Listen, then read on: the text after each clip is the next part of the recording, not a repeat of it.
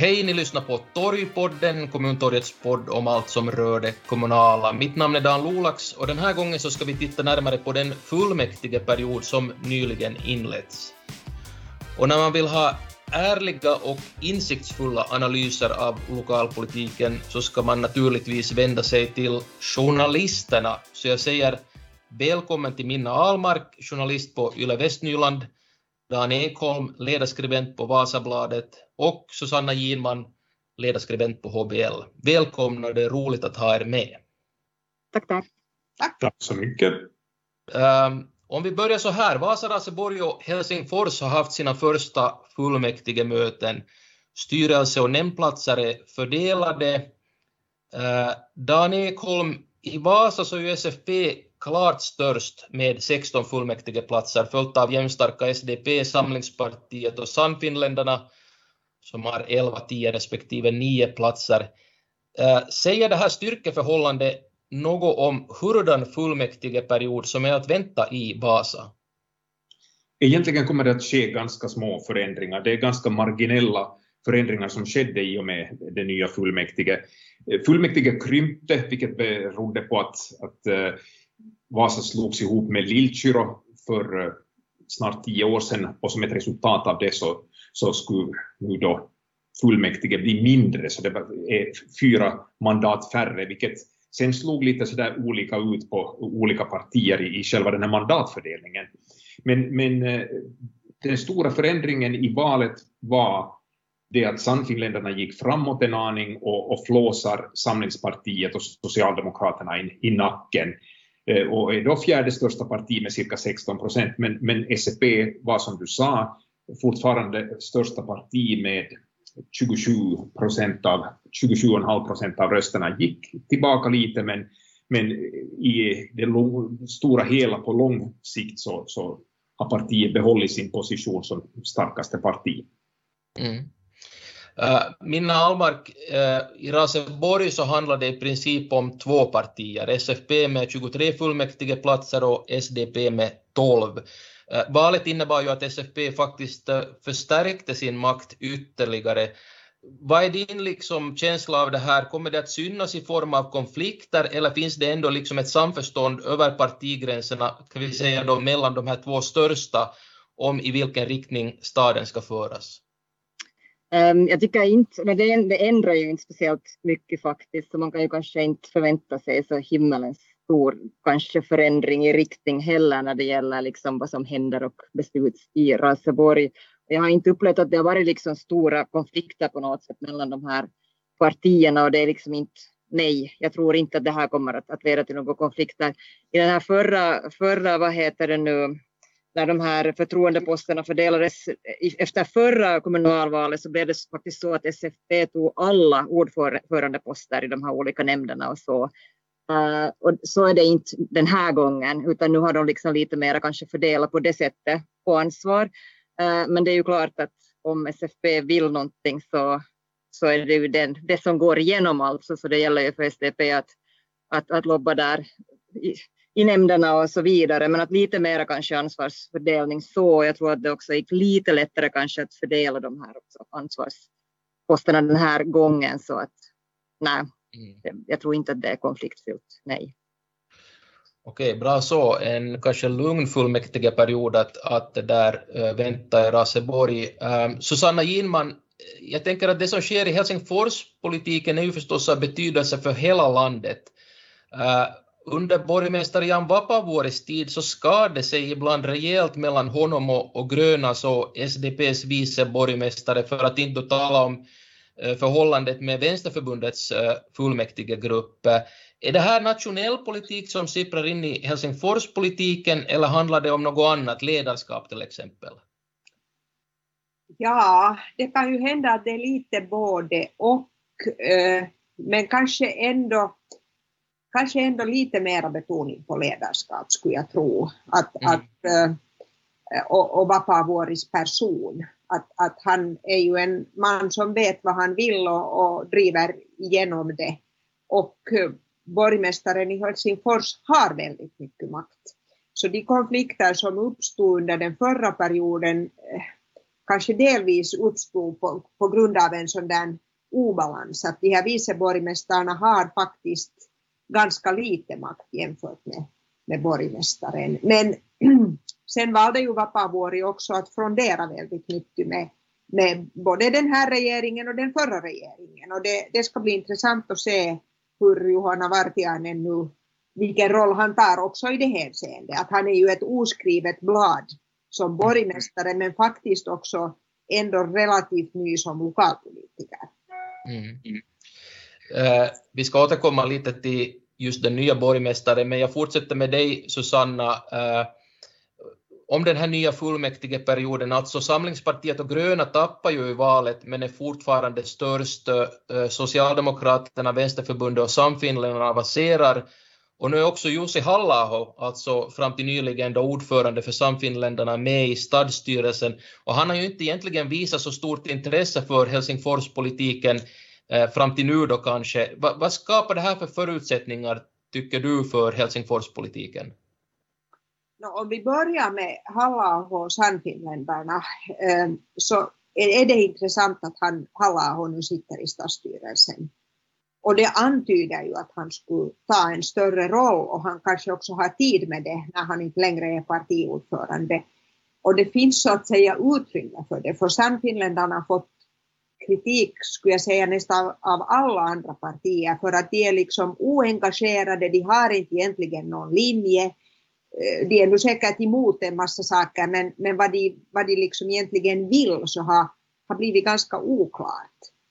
Um, och ändå har de ju ett, nu ett, ett starkare mandat än tidigare. Jag menar det är ändå en grupp som är att räkna med. Så det ska bli intressant att se. Men sen kan man ju säga att visst ändrades ju konstellationerna överlag, även om Samlingspartiet är störst och de gröna är näst största. Eh, jag skulle säga att Samlingspartiet tacklar den här situationen som en seger för dem, trots att de backade medan de gröna ju nog är eh, lätt stukade. Eh, och, och, och, det kan ju få konsekvenser. Och sen är det ju också intressant att Vänsterförbundet eh, nu sitter med då bland, i det här, bland borgmästarna, för de har ju faktiskt haft en roll där de har gått ibland helt sin egen väg. De har till exempel inte varit med om alla budgetöverenskommelser. Mm. Och, och då kan man ju förstås fråga sig om det kanske blir en förändring på den punkten. Mm. Så, att, så att det finns nog mycket. Sen är det ytterligare en sak att i det förra fullmäktige så hade eh, vänsterpartierna tillsammans med de gröna kunde de uppnå en, en majoritet.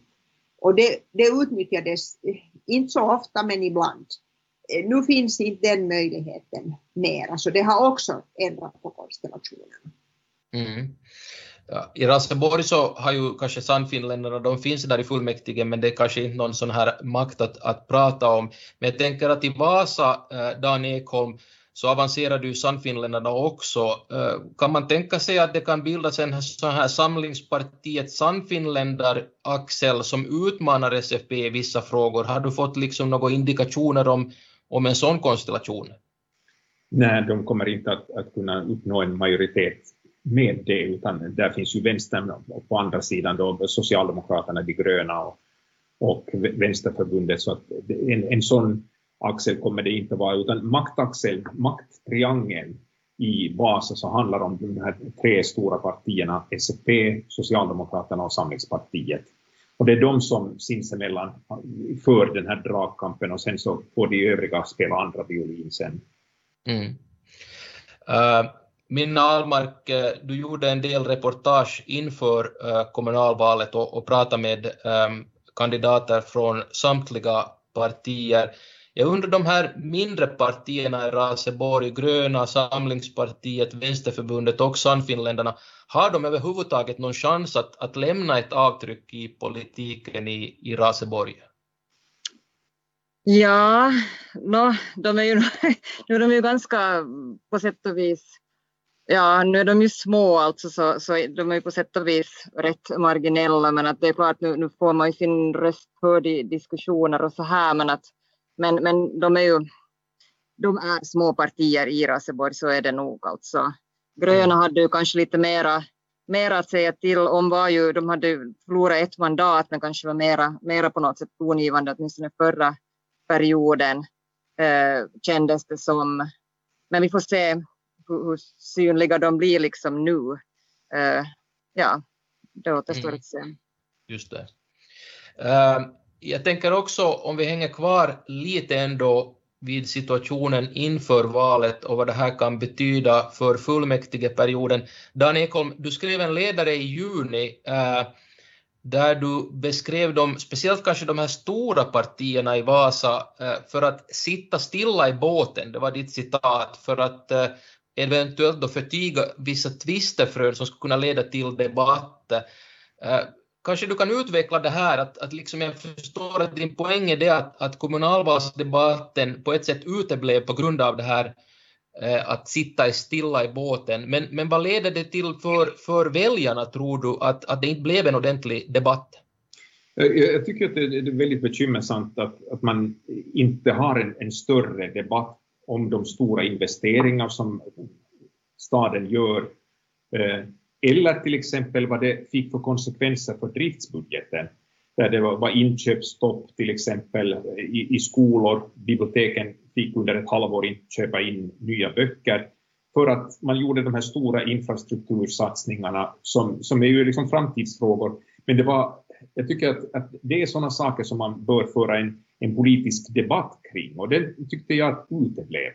Och, och, och, särskilt på svenska faktiskt. På finska så fanns det liksom några frön till, till, sådana debatter, men på svenska så tyckte jag att det uteblev ännu mera. Och det kan hända att det, det fanns en, en del, en, en, vad ska jag säga, en um, baksmälla från uh, den här Korsholms fusionsfrågan, där ju Korsholmarna sa nej sen i, i, i en folkomröstning till en fusion med Vasa, vilket gjorde att man kanske tona ner många frågor och, och valde att, att dra ner på volymen på väldigt många saker för att eh, nu sitter vi alla still i båten, men jag, jag tycker det är bekymmersamt om, om folk inte liksom har koll på vad politikerna sysslar med och att det finns alternativ och att man diskuterar dem ingående för att förbättra de politiska besluten och mm. för att folk ska vara delaktiga i dem. Och det, det såg jag som problematiskt. Just de här stora frågorna då, om vi tar en sån här snabb rond, kanske börjar i Helsingfors, Susanna Ginman, vilka är de här stora frågorna som Helsingforspolitiken måste ta itu med under den här fullmäktigeperioden och som eventuellt då kan leda till vissa konflikter? Finns det några som du skulle vilja ringa in? No, eh, en fråga som är stor också ekonomiskt är de här planerna på att bygga eh, de så kallade kronobroarna, eh, som ju är långt gångna eh, och i våras, ganska just före valet, så visade det sig att de här kostnaderna hade liksom verkar ha skenat iväg alldeles otroligt jämfört med det som politikerna tidigare har godkänt. Det kan också lite bero på hur man liksom har räknat för att det har kommit mera projekt och sådär. Men det här kommer fullmäktige nu då att behandla på nytt.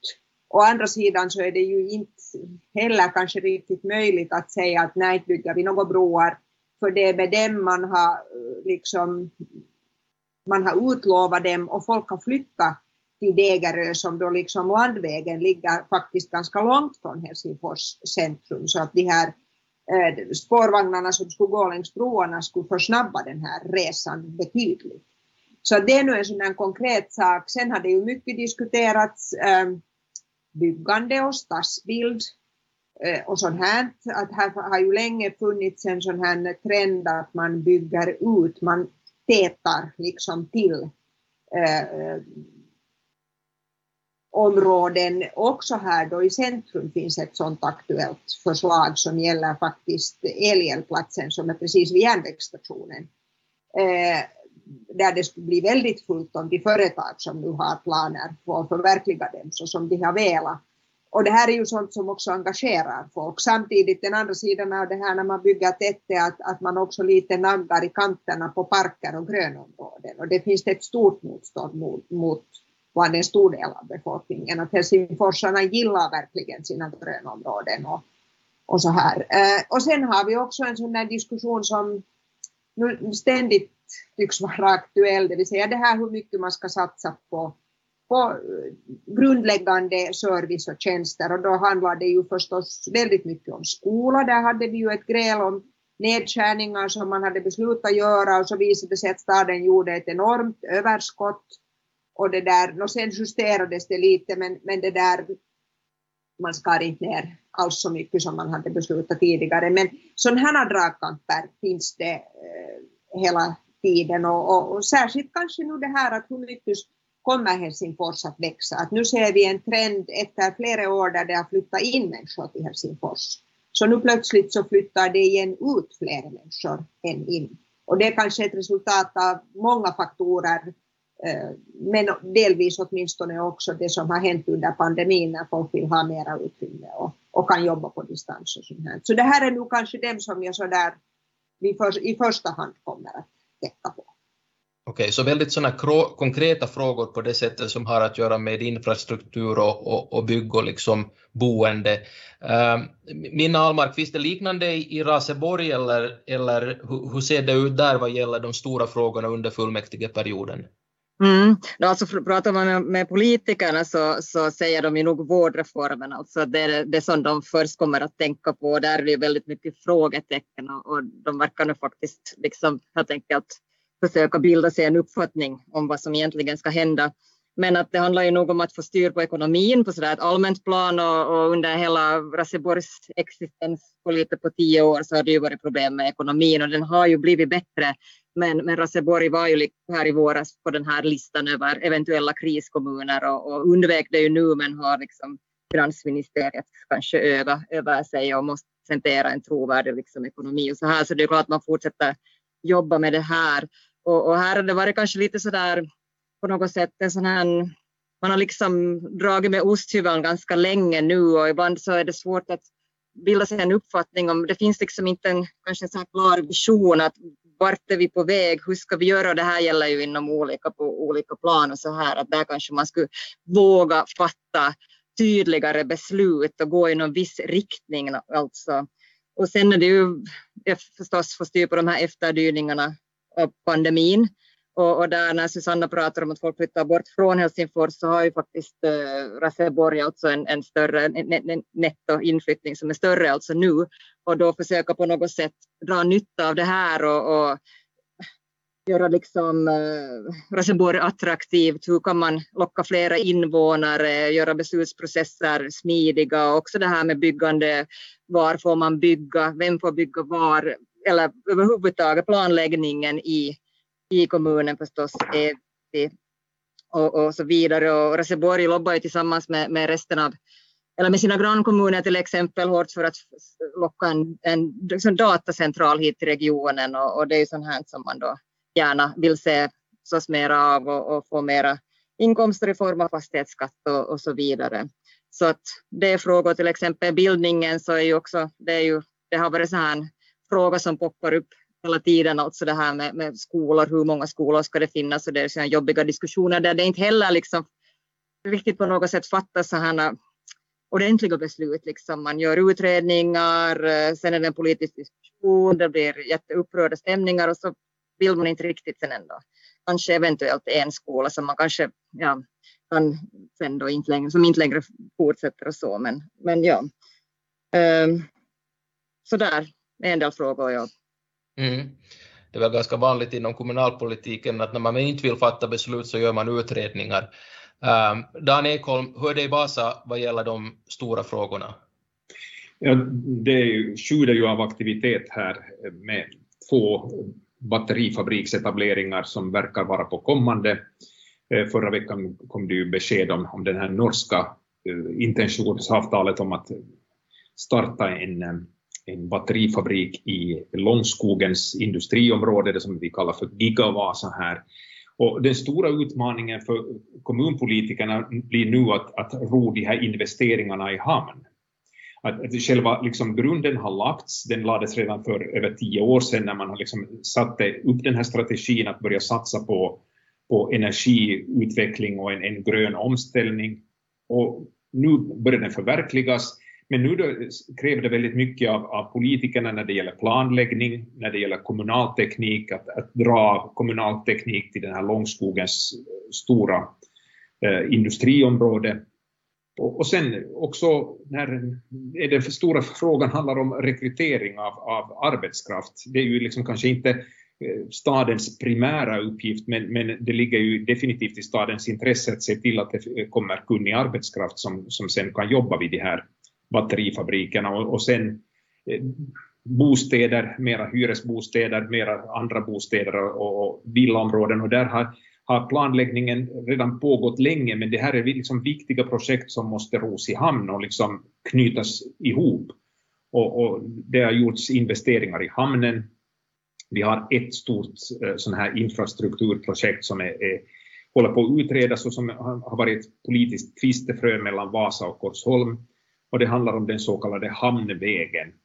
Det är nämligen så att eh, på grund av det här Gigavasa och på grund av att eh, stadens största arbetsgivare Wärtsilä har grundat en, en ny fabrik ute på Vasklot som alltså är en ö utanför Vasa så betyder det att, att väldigt många arbetstagare åker längs en och samma bro in till stan och, och pendlar där och, och, och mycket långtradare dessutom och då måste vi liksom hitta en alternativ väg så att, att de här långtradarna inte kör genom centrum utan de ska åka då en annan rutt över en annan bro via Sundom och sen vidare genom Korsholm och eh, för att avlasta trafiken i centrum, dels av säkerhetsskäl men av miljöskäl också.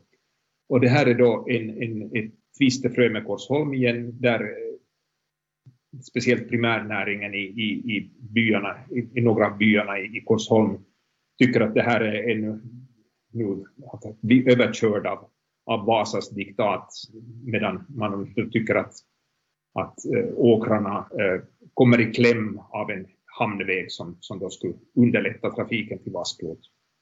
Mm. Alltså väldigt konkreta frågor äh, på alla håll. Ingen av, av er nämnde klimatfrågan som något så speciellt, även om det har varit en sån väldigt stor diskussion under sommaren. Är det så att, att den på något sätt finns inbyggd i alla de här sakerna som ni nämner, eller blir, de, blir den på något sätt för eh, abstrakt för kommunerna, kommuninvånarna, tjänstemännen, politikerna att på något sätt föra fram? Dan Ekholm?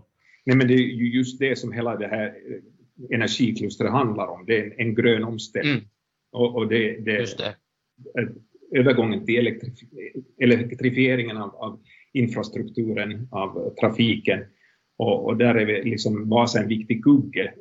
Samtidigt är liksom den industri som finns här från tidigare, Wärtsilä, så, så är också i framkant när det gäller miljövänlig teknik, både när det gäller kraftverk och när det gäller eh, fartygsmotorer som är bränslesnåla. Och, och likadant ABB, en annan stor eh, arbetsgivare, och, och Hitachi också så, så, som bygger transformatorer för, som behövs för en, en investering i elektrifiering runt om i världen. Att man hoppas till exempel på att USA ska bli en stor marknad nu för, för finländska produkter härifrån när, när mm. Biden har satsat miljarder på, på en grön omställning i USA. Just det. Det, I Helsingfors är det nog en stor fråga som säkert jag säkert borde ha nämnt, här använder vi ju ännu mycket kol i uppvärmningen. Mm. Och även om det nu finns beslut om att fasa ut det, men det är en enorm förändring som är på gång. Så att, eh, och kommer ju att påverka förstås på många olika sätt. Att, att eh, det största, eh, det här uppvärmningen med kol, det kraftverket, så nu kommer det att läggas ner lite tidigare än man hade beslutat tidigare. Men, men, det där, men det ska ju ersättas och det finns nog olika planer på det. Men, men det är kanske, det kan hända att det har blivit lite abstrakt ännu för helsingforsarna eftersom det liksom på något sätt handlar om de här kraftverken ännu i det här skedet och inte ännu eventuellt har landat i elräkningen eller i hur jag ska ta mig till jobbet. Eh, liksom att, att, att, men det kommer vi att få leva med nog länge. Mm. Jag tänker också att den, Ja, precis. Jag tänker också att det är en fråga som är kanske svår att greppa, även om det diskuteras mycket sådär globalt. Alltså jag tänker här så en, en sak där man då klimattänk kommer in också hur, hur man just planlägger, alltså ska man, ska man bo tätt eller ska man bo glest till exempel. Här blir det, om man ska diskutera miljöfrågor så blir det ofta väldigt konkret om man diskuterar skogsbruk, exempel avverkning. Sånt det är sånt som, som kommuninvånare blir väldigt engagerade i, att det är den typens frågor mera. Men, men, det där, eh, men ja, planläggningen är en sån konkret grej som där, man, där, man kan, där den här frågan kommer in. Mm. Det där, eh, och alla de här planerna för att de ska förverkligas så kräver ju då att eh, inte minst tjänstemannaledningen i städerna fungerar. Jag tänkte fråga lite här på slutet ännu om, om just den här tjänstemannaledningen. Eh, Minna, du var redan inne på det, Raseborg har ju dragits med en dålig ekonomi. Eh, det ser lite bättre ut nu, men framtidsutsikterna är ju osäkra som det är för många kommuner. Eh, staden har samarbetsförhandlat, man har skurit ner och jag eh, har också för mig att stadens förvaltning har kritiserats av en del fullmäktige ledamöter, åtminstone under förra mandatperioden, för att vara lite för svullen kanske, att man skulle vilja göra den lite smalare. Eh, Stadsdirektören i Raseborg Ragnar Lundqvist, hurdan sits är det som han har i det här läget?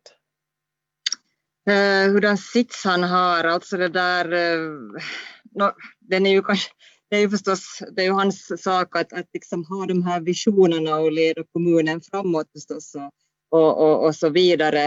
Eh, no, den inte, det är ju kanske inte, inte helt enkelt, men jag tycker att samarbetet har ju fungerat, fungerat bra mellan honom och politikerna, alltså att inte, inte det var några större konflikter där egentligen, om man nu jämför till exempel med grannstaden Hangö där det finns, det har varit väldigt intensiva diskussioner mellan, mellan tjänstemän och politiker och principdiskussioner och, och, och så vidare.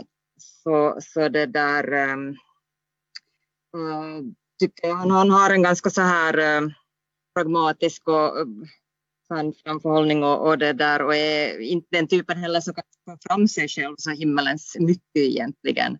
Men äh, och han valdes ju också till stadsdirektör eh, hösten 2017 och det var ju med ett femårigt avtal så det är så att han så småningom, alltså det kommer ju nu alldeles stå för dörren alltså ett, ett, man ska börja fundera på vem som ska efterträda honom, vem som blir nästa eh, stadsdirektör mm. alltså i Raseborg så att så på det sättet så, så kan han kanske förverkliga sig nu också, jag vet inte, under den här sista tiden.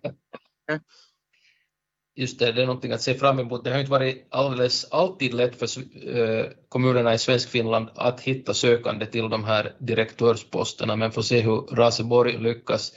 Eh, Dan Ekholm, du var inne på det också, de här goda företagsnyheterna från Vasa det senaste halvåret intentionsavtal som om de förverkligas betyder ett uppsving, inte förstås bara för Vasa utan för hela regionen säkert. Eh, och dessutom så har Vasa tagit sig ur det här underskottet som man hade under några år.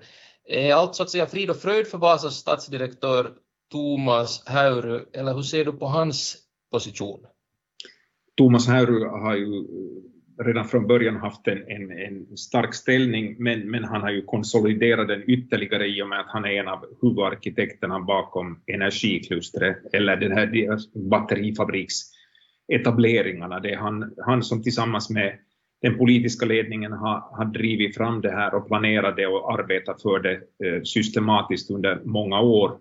Och, eh, så att jag tror att det, är liksom väldigt friktionsfritt mellan, mellan honom och fullmäktigeordförande Joakim Strand och stadsstyrelseordförande eh, Maria Tolpanen, socialdemokrat, att där, där förekommer nog inga, inga större konflikter på det sättet, utan där, där är det ganska eh, raka rör och, och ja, styrelsegården här, några kvarter härifrån, så är nyrenoverad och där var precis här i vintras flytta in i den nyrenoverade gamla styrelsegården.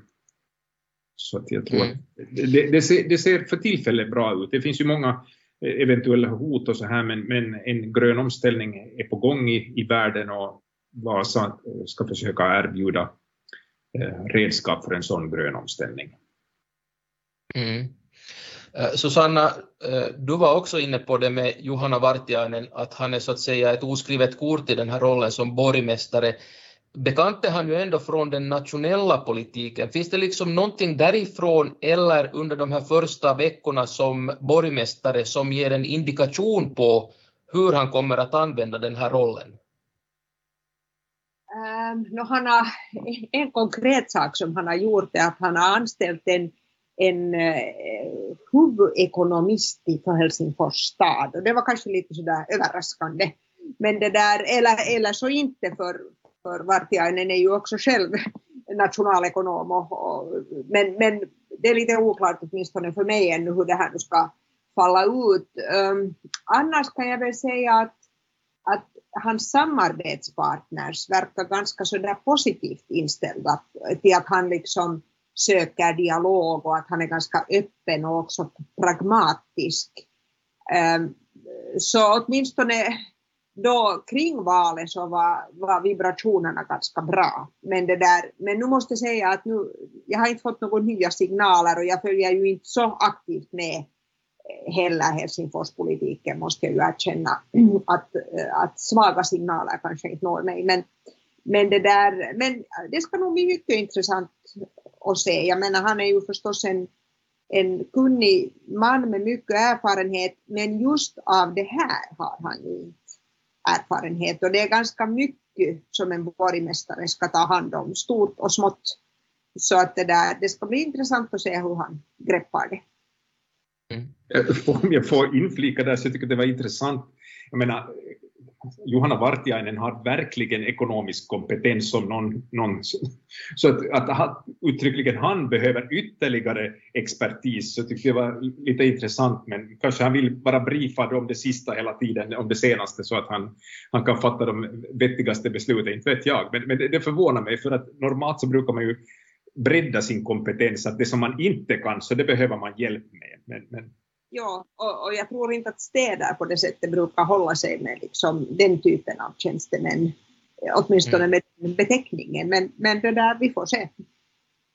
Återstår att se hurdan borgmästare det blir av Johanna Vartiainen. Hej, jag tänkte avsluta den här podden helt kort bara lite med vårdreformen, om den nu går att behandlas kort.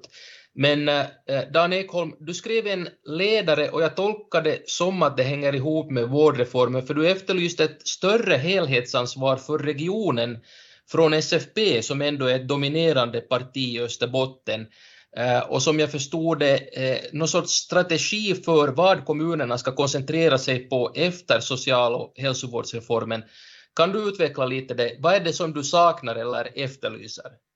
Nej, men det är en, en hel, samösterbottnisk helhetssyn om vart man är på väg. Att eh, alla har, drar åt sitt eget håll, men det, nu i och med att vården flyttas över till välfärdsområdet, eller regionen, så måste man liksom ha en, en gemensam syn.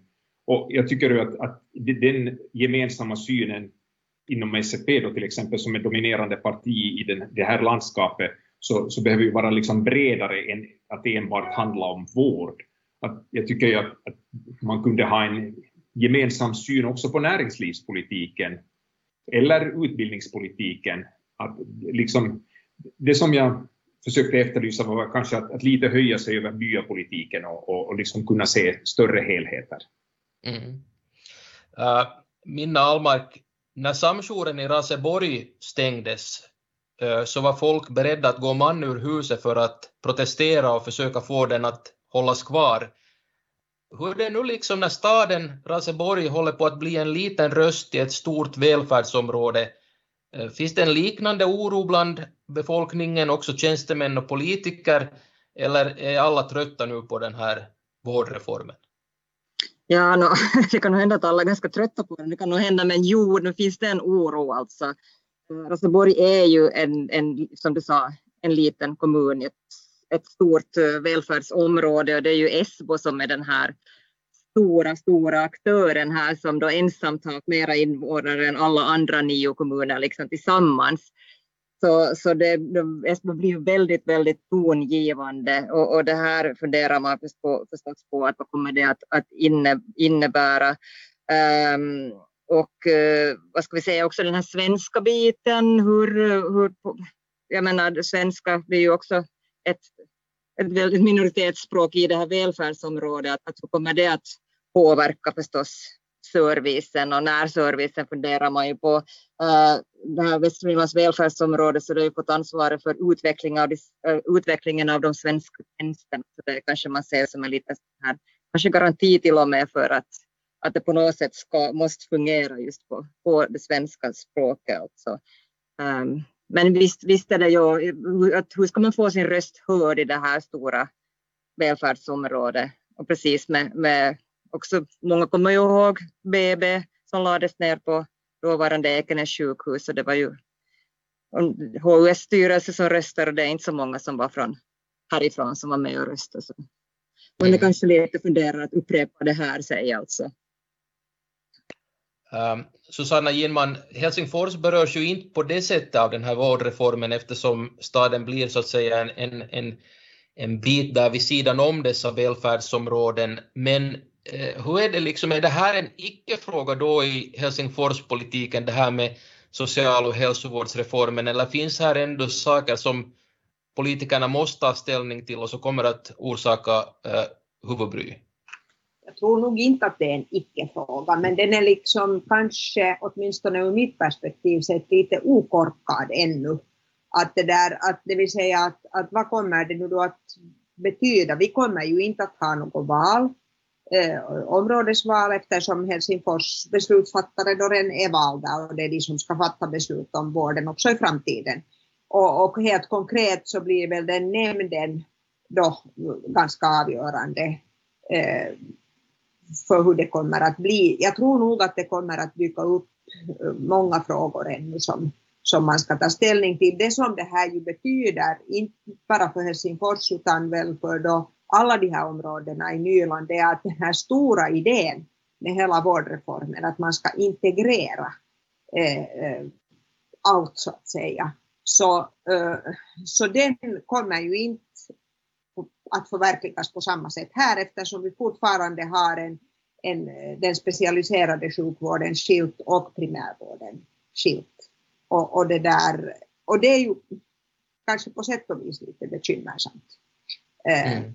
Men det där hur det nu sen faller ut så, så det är nog ett, faktiskt ett ganska stort frågetecken för mig ännu, måste jag säga, tror jag för många andra helsingforsare, förhoppningsvis kanske inte för då beslutsfattarna ett stort frågetecken. Vi får väl göra så att vi får följa upp den här diskussionen i något skede och så tittar vi hur, om frågetecknen har rätats ut, om prognoserna stämmer. Men så långt så tycker jag att vi drar streck för den här diskussionen. Eh, stort tack till Minna Almark, Susanna Ginman och Dan Ekholm för att ni medverkar i Torgpodden. Tack ska ni ha. Tack, tack. Tack så mycket för att vi fick komma.